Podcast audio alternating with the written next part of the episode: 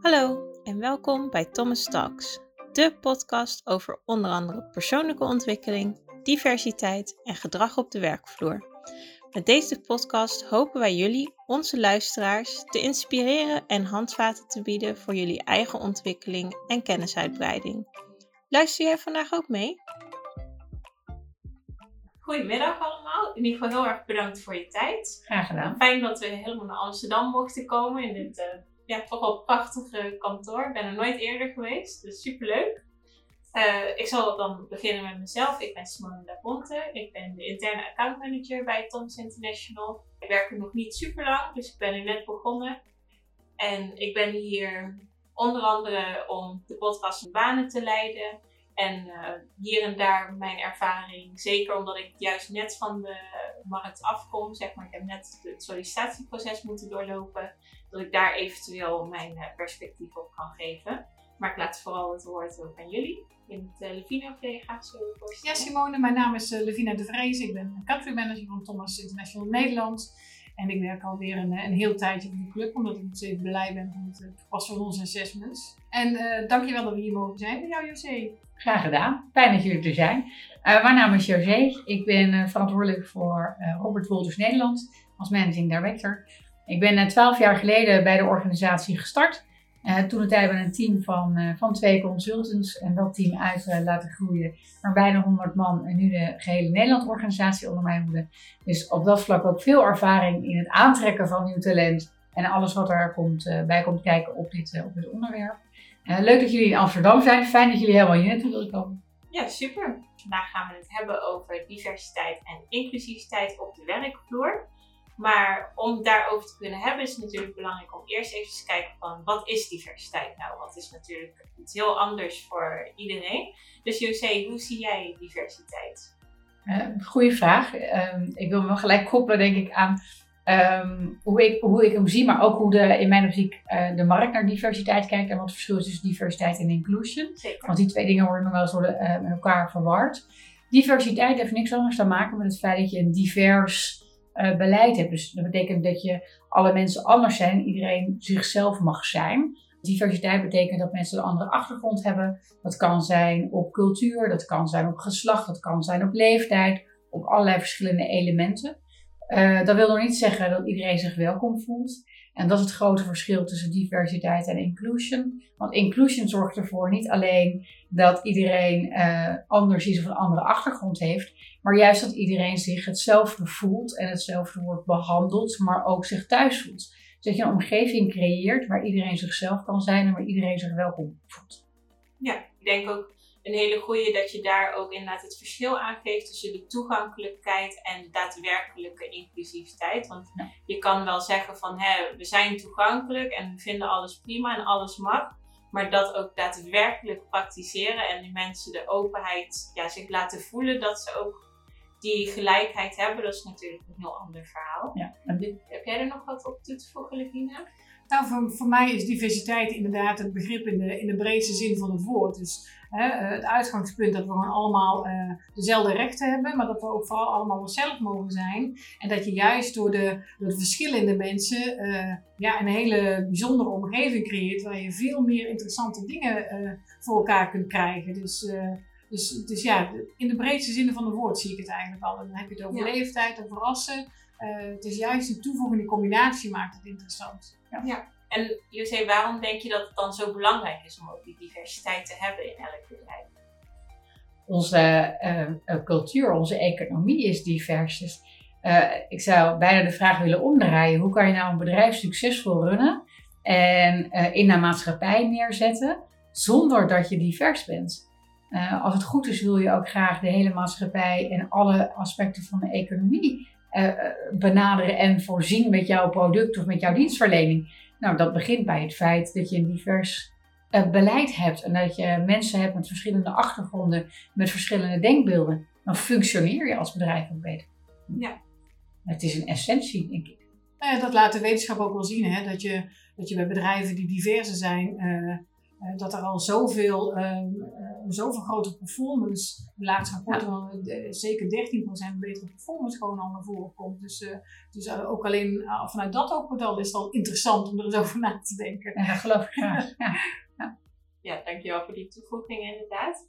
En vervolgens, hoe ziet zo'n diversiteit er dan, dan uit voor jullie op de werkvloer? Zie je dat iets, zie je dat dan ook echt overal terugkomen? Nou, wat bedoel je met overal? In alle lagen van het bedrijf bijvoorbeeld. Ja, wij hebben daar wel. Ehm, eh, wat je merkt is dat je, ondanks dat je dat zou willen, hè, als ik naar mij als persoonlijkheid kijk, dan zou ik heel graag willen dat het vanzelf gaat. Mhm. Eh, maar zo werkt het niet. Dus ik denk dat het, het start al met het bewust worden Ehm, dat als ik kijk naar wie ik ben als persoon, dan heb ik een hele diverse benadering en dan is bij mij iedereen altijd welkom. En het gaat niet om, uh, om waar je vandaan komt, maar om wie je bent en wat je kan en wat je toevoegt en wat jouw verhaal is. Maar je ziet als je dat binnen een organisatie daadwerkelijk wil, uh, wil laten slagen, dat je daar een actief beleid voor neer zal moeten zetten. Dus um, hoe ziet dat er bij ons uit? Een, een paar voorbeelden. We hebben heel hard gewerkt en dat komt echt nog van een paar jaar geleden. Was de man-vrouw verhouding natuurlijk heel scheef uh, in het bedrijfsleven. Maar je ziet nu dat um, het bij ons 50-50 uh, op dit moment. En als je kijkt naar lager en middelmanagement, dan hebben we zelf iets meer vrouwen uh, dan mannen uh, op dit moment. En dan zie je dat in de topfuncties. Dat één, eigenlijk al zeggen drie op de acht is vrouw. Dus daar hebben we nog meters te maken. Maar daar heb ik wel heel veel vertrouwen in. En daar heb ik heel veel vertrouwen in, omdat je ziet dat op dat middelmanagementstuk we al veel meer vrouwen hebben dan dat we ooit hadden. Dus het heeft even tijd nodig dat dat zich zeg maar ook doorbeweegt richting de rest van de organisatie. En we hebben vooral ook heel erg gewerkt aan dat inclusion stuk. Ja. Uh, en dan met alle achtergronden. Ben je internationaal? Ben je welkom? Ben je, het maakt niet uit waar je vandaan komt of hoe je bent, als je het vak maar uh, ambieert en je dat ook kan. Ja. En zie je het ook echt belangrijk als dat het overal in alle lagen 50-50 eh, is? Of heb je zoiets van meer, nee, de algemene balans is belangrijk, want er zijn bepaalde afdelingen waar je gewoon bijvoorbeeld nou, net die 75-25 gaat zien. En andere afdelingen dat het de andere kant opdraait. En dat dan als het uiteindelijk maar ongeveer 50-50 blijft. Want bijvoorbeeld op HR zie je toch nog wel vaker vrouwen zitten dan mannen bijvoorbeeld. Wordt het dan met de technische afdeling bijvoorbeeld wat... Uh... Je, ik kan de wereld niet veranderen. Hè? Dus je, ziet dat, uh, uh, dat bepaalde vakgebieden de mensen een voorkeur heeft gemaakt. Mm. Dus dat betekent dat je net meer vrouwen ziet in HR dan dat je mannen in een HR-functie ziet. Ja. dan is het ook logisch dat in je HR-team je meer vrouwen hebt dan mannen hebt. Alleen waar het veel belangrijker om is, is bijvoorbeeld in managementfuncties, ja. in front- en back-office posities, in salesposities. Dus dat je gaat kijken op het niet zozeer op je specialisme, maar op het niveau wat je binnen de organisatie hebt, dat dat in balans komt. Dus is ieder back-office team in balans, is ieder uh, uh, junior management team in balans? Zijn de teams aan zich in balans? En dat dat betekent misschien op back-office, ja, wij hebben traditioneel meer mannen op finance. Uh, en meer vrouwen op HR. Maar zij samen zijn verantwoordelijk om ervoor te zorgen dat onze back-office gerund wordt. Als dat dan maar gezamenlijk in balans is. Dat is hetgene wat ik het allerbelangrijkste vind. Ja, zeker. Ik denk ook wel dat je daar inderdaad een heel goed punt mee aandraagt. Van, hè, we hoeven niet dingen te overforceren, want bepaalde dingen zijn op een moment zo bepaald door, door voorkeur of niet. En dat kan natuurlijk alles veranderen over tijd, maar dat heeft geen zin om een harde 50-50 op te pushen. Als inderdaad maar vooral de managementposities, de sales, andere dingen waar je het wel beter kan sturen, dat het daar wel gewoon goed loopt, inderdaad. Zeker. En want wat is dan ook jouw gevoel van waarom, want je gaf net ook al aan van hey, je zou heel graag zien dat elk bedrijf het zo aanpakt en dat je eerder de vraag omdraait van ja, waarom geen diversiteit? Hoe kun je een bedrijf runnen zonder?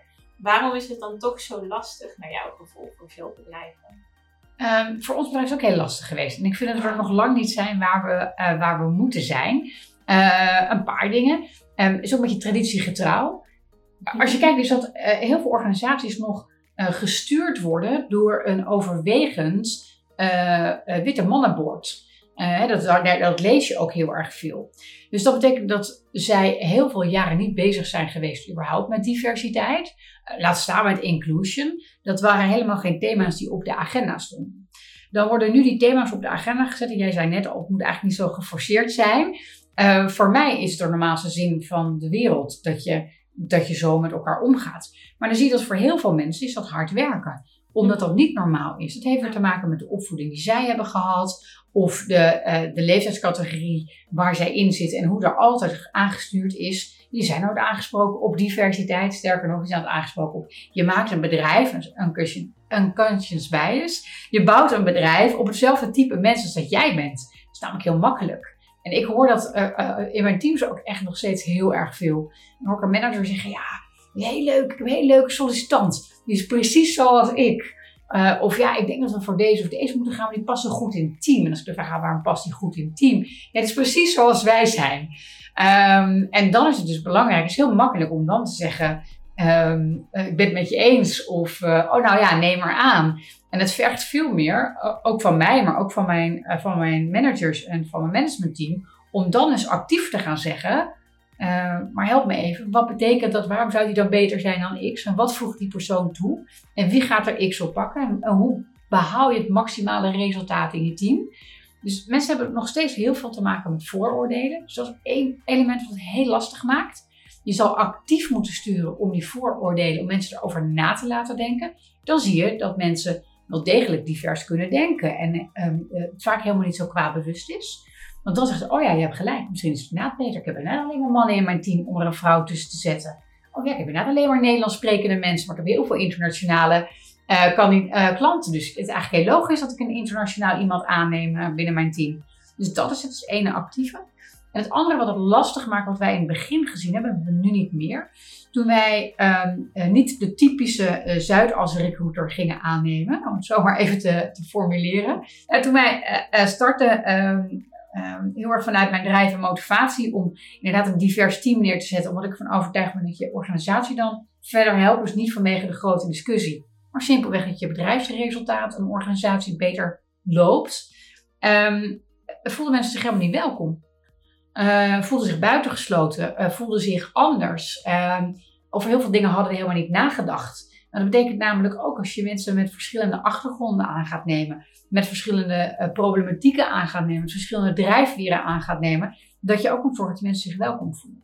Ja. En dat maakt het vervolgens ook zo moeilijk. Want mensen uh, klikken heel erg, automatisch technisch gezien, met dan gaan we dezelfde type mensen.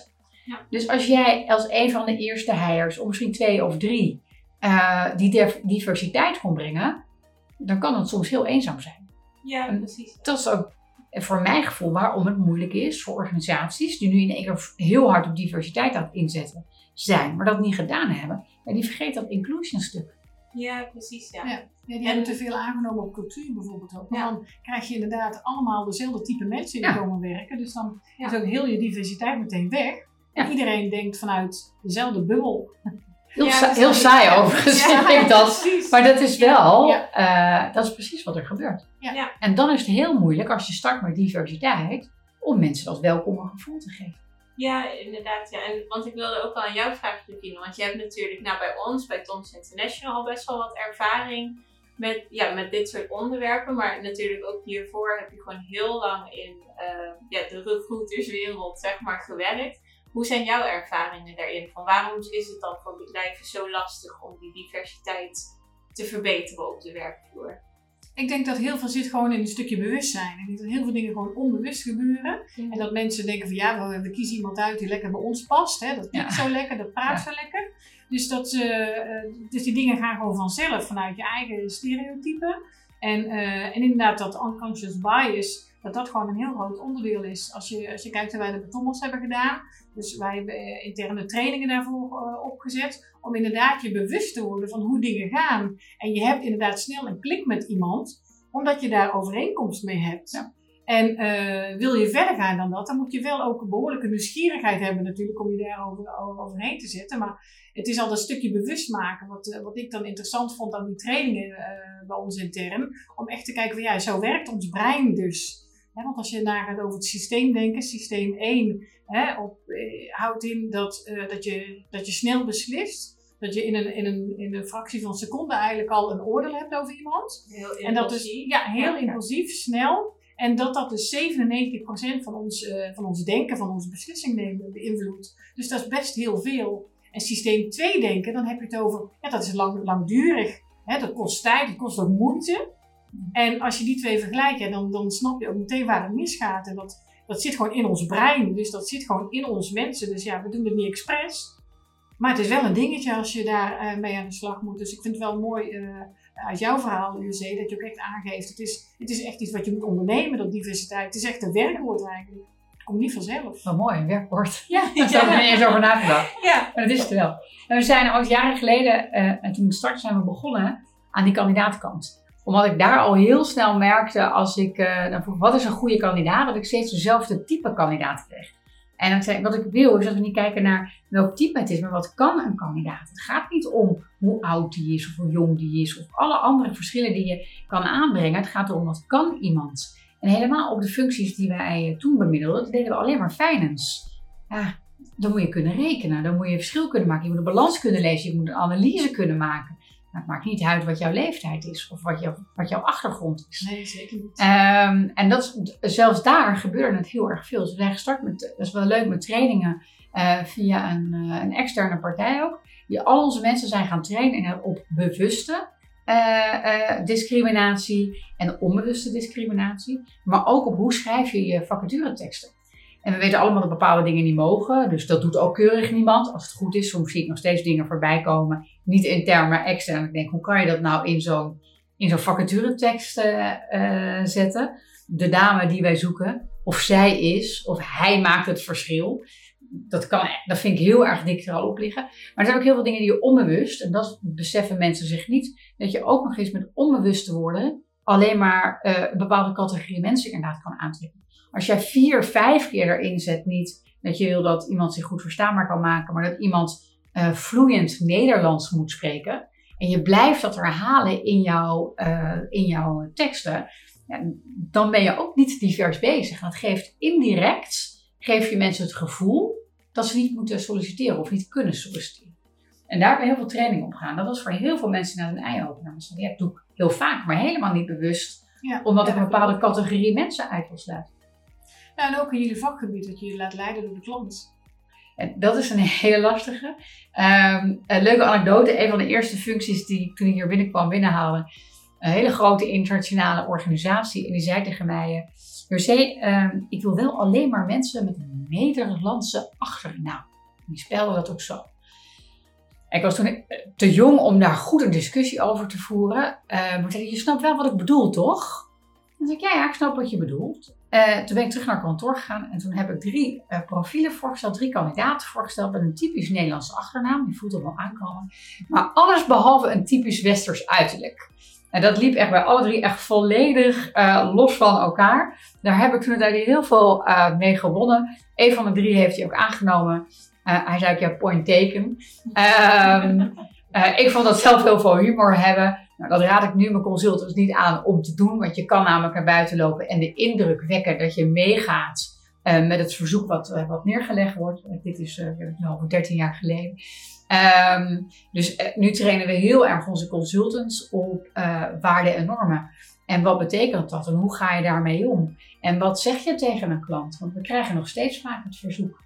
Uh, dit soort verzoeken, maar ook uh, leeftijdsverzoeken, um, man-vrouw verhoudingen, uh, zonder dat daar een inhoudelijk on te onderbouwen reden achter zit. En dat ja. betekent soms dat wij opdrachten weigeren of de samenwerking stopzetten met organisaties. maar in 80% van de gevallen, als wij de vraag stellen wat de reden is dat, en er dus inderdaad geen enkele reden zit die ook maar enigszins legitiem kan zijn, wij dan vervolgens uitleggen dat we daar niet op kunnen en niet willen, dat is een hele belangrijke, ja. niet op willen selecteren. En dat we de beste drie kandidaten in een markt zullen voorstellen, uh, ongeacht alle andere facetten die erbij komen kijken. Maar dat het de drie beste kandidaten zullen zijn die die functie kunnen invullen. Dan gaat 80% van de organisatie zegt, oh ja, je hebt helemaal gelijk, sorry, en uh, dat is een goed proces. En 20% komen er niet uit. Nou, die blijven voet bij stuk houden. En Ja. dan houdt de samenwerking op. Nou, ik kan me ook voorstellen dat het een stukje opvoeden van de klant is. En dat die zich uiteindelijk ook geholpen voelt, eh, voelt door, een, door een deskundig advies uiteindelijk. Hè, omdat het gewoon heel vaak onbewust eh, gebeurt. En als je dat duidelijk kunt weerleggen, dan is dat heel anders. Wij hebben bij Thomas hebben we een paar jaar geleden onderzoek gedaan naar het verschil tussen hè, mannelijk en vrouwelijk leiderschap. Ja. En dan wel gemeten onder de succesvolle mannelijke en vrouwelijke leiders. Belangrijk. Dus dat is al een, een behoorlijk stukje huiswerk wat je moet doen als je begint met het onderzoek. Maar dan zie je ook dus eh, dat op basis van persoonlijkheid hebben we dat gemeten. Persoonlijkheid en emotionele intelligentie. En dan zie je uiteindelijk dat die, die eh, goede leiders, die scoren exact hetzelfde. Er zit geen significant verschil in tussen mannen en vrouwen. En eh, alleen als je puur gaat kijken naar perceptie, daar zit het hem in. Want bij, man, bij mannen wordt gezien als zo, die is sterk. Ja. Die vrouw is dan, eh, die is dan eh, te agressief. Die man is dan assertief. En ehm, ehm, dus die dingen worden allemaal gewoon echt volledig anders opgepakt. Waardoor je dan als vrouw steeds eigenlijk op een, op een slechte manier, op een negatieve manier benaderd wordt. En toch vaak in die laatste rondes dan de dames afvallen. Terwijl het gewoon puur te maken heeft met ja, onze cultuur en onze perceptie. Dus, eh, dus als je dan opnieuw wil gaan kijken naar het aannemen van je nieuwe management, dan kan je dat volledig aan de kant leggen. Als je gewoon gaat meten, kun je het objectief bekijken. En dan, eh, ja, dat, dat helpt je ook dan bij het maken van, van ja, de juiste keuze uiteindelijk. Want het- ja, voor mij persoonlijk gaat het niet om dat er 50% vrouwen, 50% mannen in de top zitten. Maar het gaat erom dat de juiste persoon daar terecht komt. Ja. En die vind je alleen door het objectief te onderbouwen. Want nou ja, wij zijn allebei vrouwen. Ja. En dan eh, kun je daar heel fanatiek in zijn. Maar voor mij gaat het erom dat je iedereen gewoon op de juiste manier benadert. Iedereen mag dezelfde kansen krijgen. Maakt niet uit waar die vandaan komt. Maakt niet uit of je een jongen of een meisje bent. Maar die, ooit in die basis moet objectief zijn, denk ik. En, mee eh, eens. en daar hebben denk ik gewoon heel veel bedrijven nog steeds eh, ja, hulp bij nodig.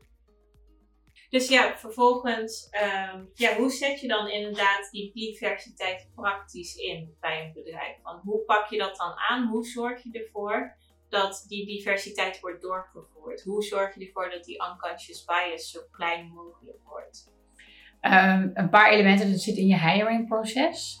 Ehm daar zal ik straks iets meer over vertellen. Dan in hoe je zorgt dat eh, mensen promotie maken en mensen voorwaarts kunnen met hun carrière.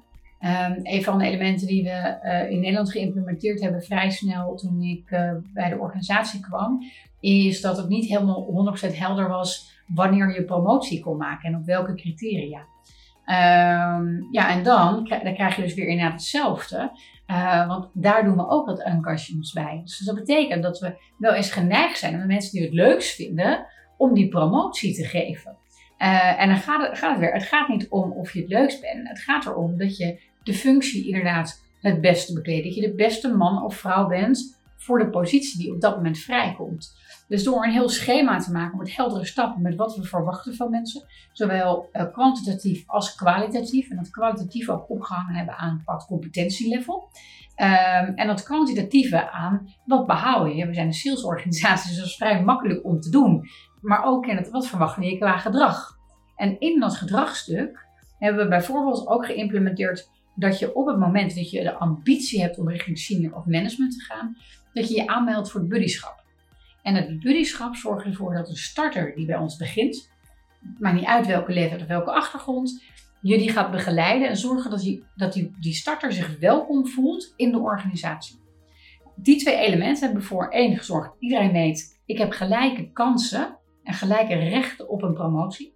Ik hoef niet na te denken over wie hier langer of korter zit, of wie de favoriet is of niet. Dus dat is een van de dingen die je goed kan doen binnen een organisatie om dat stuk diversiteit een, een push te geven, als je dat op verschillende niveaus te hebben.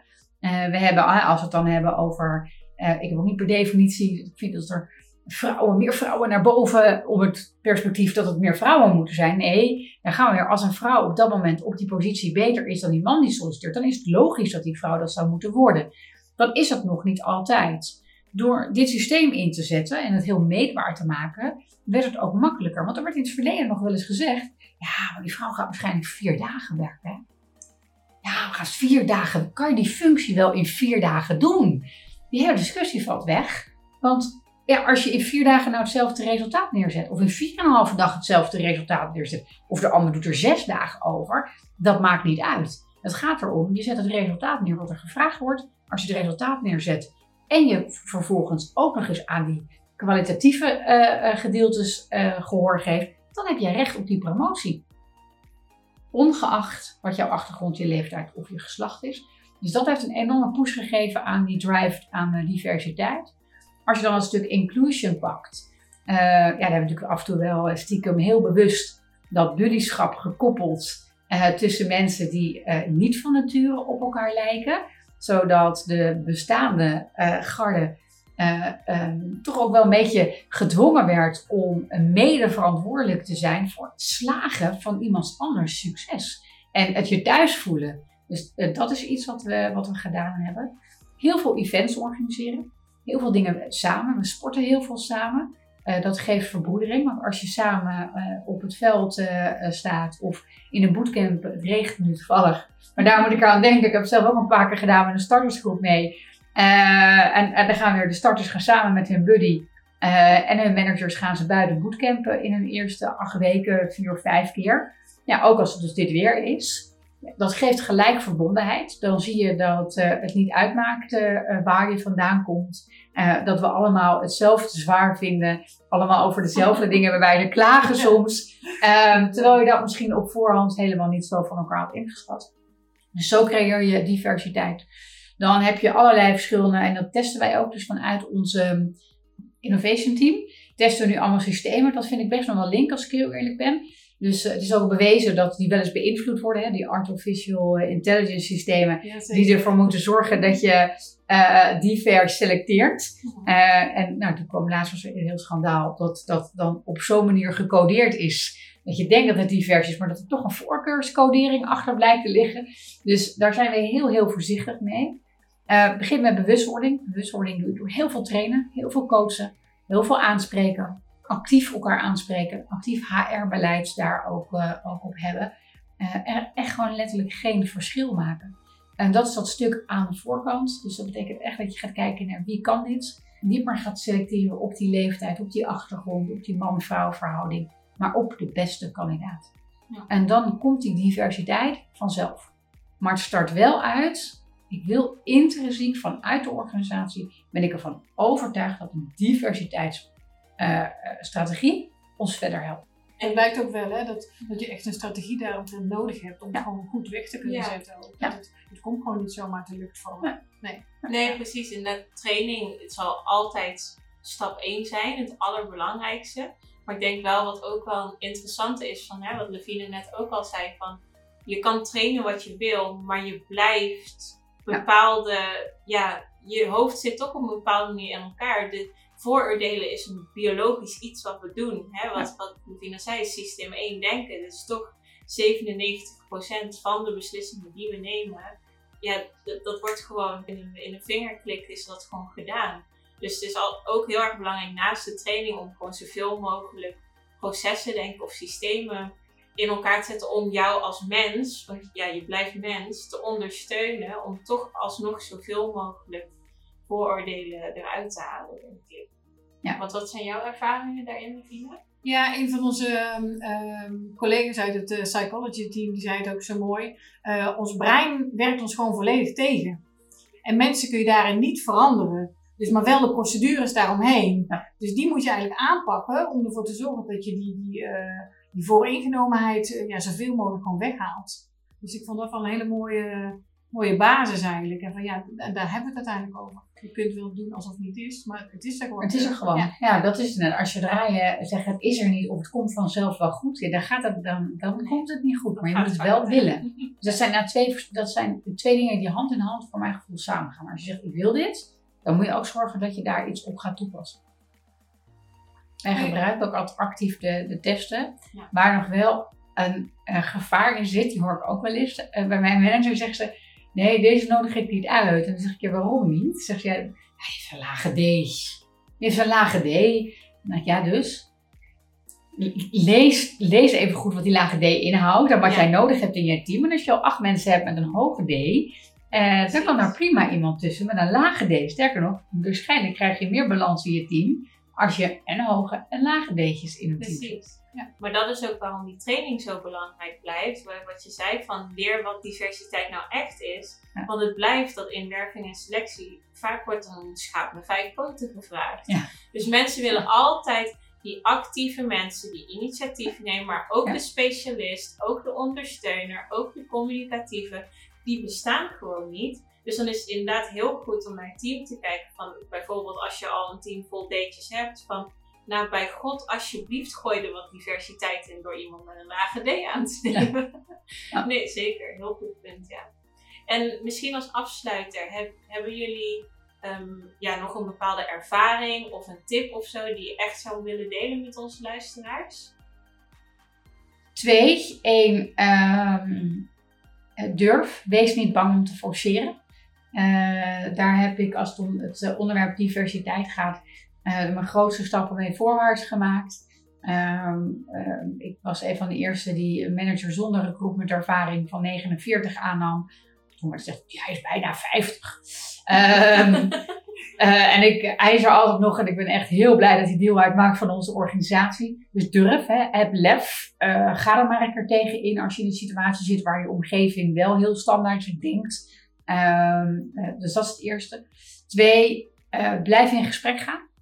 Ehm, ga in gesprek met, eh, als je start met een diversiteitsbeleid en je doet dat actief en je schrijft dat uit, eh, is inderdaad een stuk inclusion het meest lastige. Dus op het moment dat je kiest voor diversiteit, dat de mensen die jij eh, welkom heet, de talenten die je binnenhaalt, dat je daarmee in gesprek gaat met wat zij nodig hebben en hoe zij zich voelen. En als er mensen hun baan opzeggen, ga dan ook echt het gesprek met ze aan hoe dat komt. Wat je als organisatie anders had kunnen doen. En vraag naar de unexpected. We vragen meestal naar de dingen waarvan we weten wat het antwoord gaat zijn. Uh, maar misschien moet je gewoon helemaal open laten.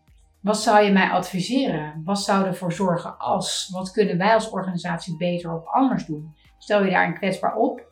Um, en drie, uh, ik zei twee, maar daar ga ik er toch drie van maken, is inderdaad nadenken over dat je uh, promotiecriteria, doorgroeicriteria, zichtbaarheid binnen een organisatie af laat hangen van kwantitatieve en kwalitatieve en meetbare doelstellingen, waarbij je iedereen een gelijke kans geeft om die te behalen. En dan creëer je uiteindelijk vanzelf, want het heeft tijd nodig, op alle niveaus binnen je organisatie diversiteit. Oh, hele goede tips, dankjewel. Levine, heb jij daar nog wat op aan te vullen? Um, nou, als ik kijk vanuit, uh, vanuit ons, dan zijn uh, de, de, belangrijkste punt is om het, zo objectief mogelijk te maken. En uh, als je het over mensen binnen organisatie, dan begint het aan de voorkant eigenlijk hè, bij, bij je recruitmentproces. Dat je zorgt dat je dat objectief doet. En dat je daar bewust inderdaad ook samen over in gesprek gaat. En dan zie je ook als je gaat werven op bepaalde talenten inderdaad, in plaats van dat je naar een cv gaat kijken, wat overigens helemaal niet zo, uh, uh, zo voorspellende waarde heeft eigenlijk, wat ook al is gebleken. En we blijven toch maar steeds weer dat uh, cv oppakken. Hè, dan krijg je veel inter interessante gesprekken, zoals ik ook met jou heb gehad Simone, dat je daardoor een interessant gesprek hebt, dat je objectief gaat kijken, hè, wat, waar, waar zit jouw talent en wat breng jij dan in deze rol, om op, op basis daarvan verder te gaan. En dat die ervaring dan helemaal niet zo belangrijk is eigenlijk. Ja. Als je die basis maar in je hebt van dat talent, of je persoonlijkheid, of je gedragsvoorkeuren. En uh, dus of dat je nou net klaar bent met school, of uh, 50 plussen, plussen bent en nog uh, barst van de energie voor de komende 20 jaar. En nou, dan combineer met het lef wat jij net noemde, C, dan, dat je dan wel een goede stap, stap kunt maken uiteindelijk. Want dat heb je dan nodig om het, om het verschil te kunnen maken.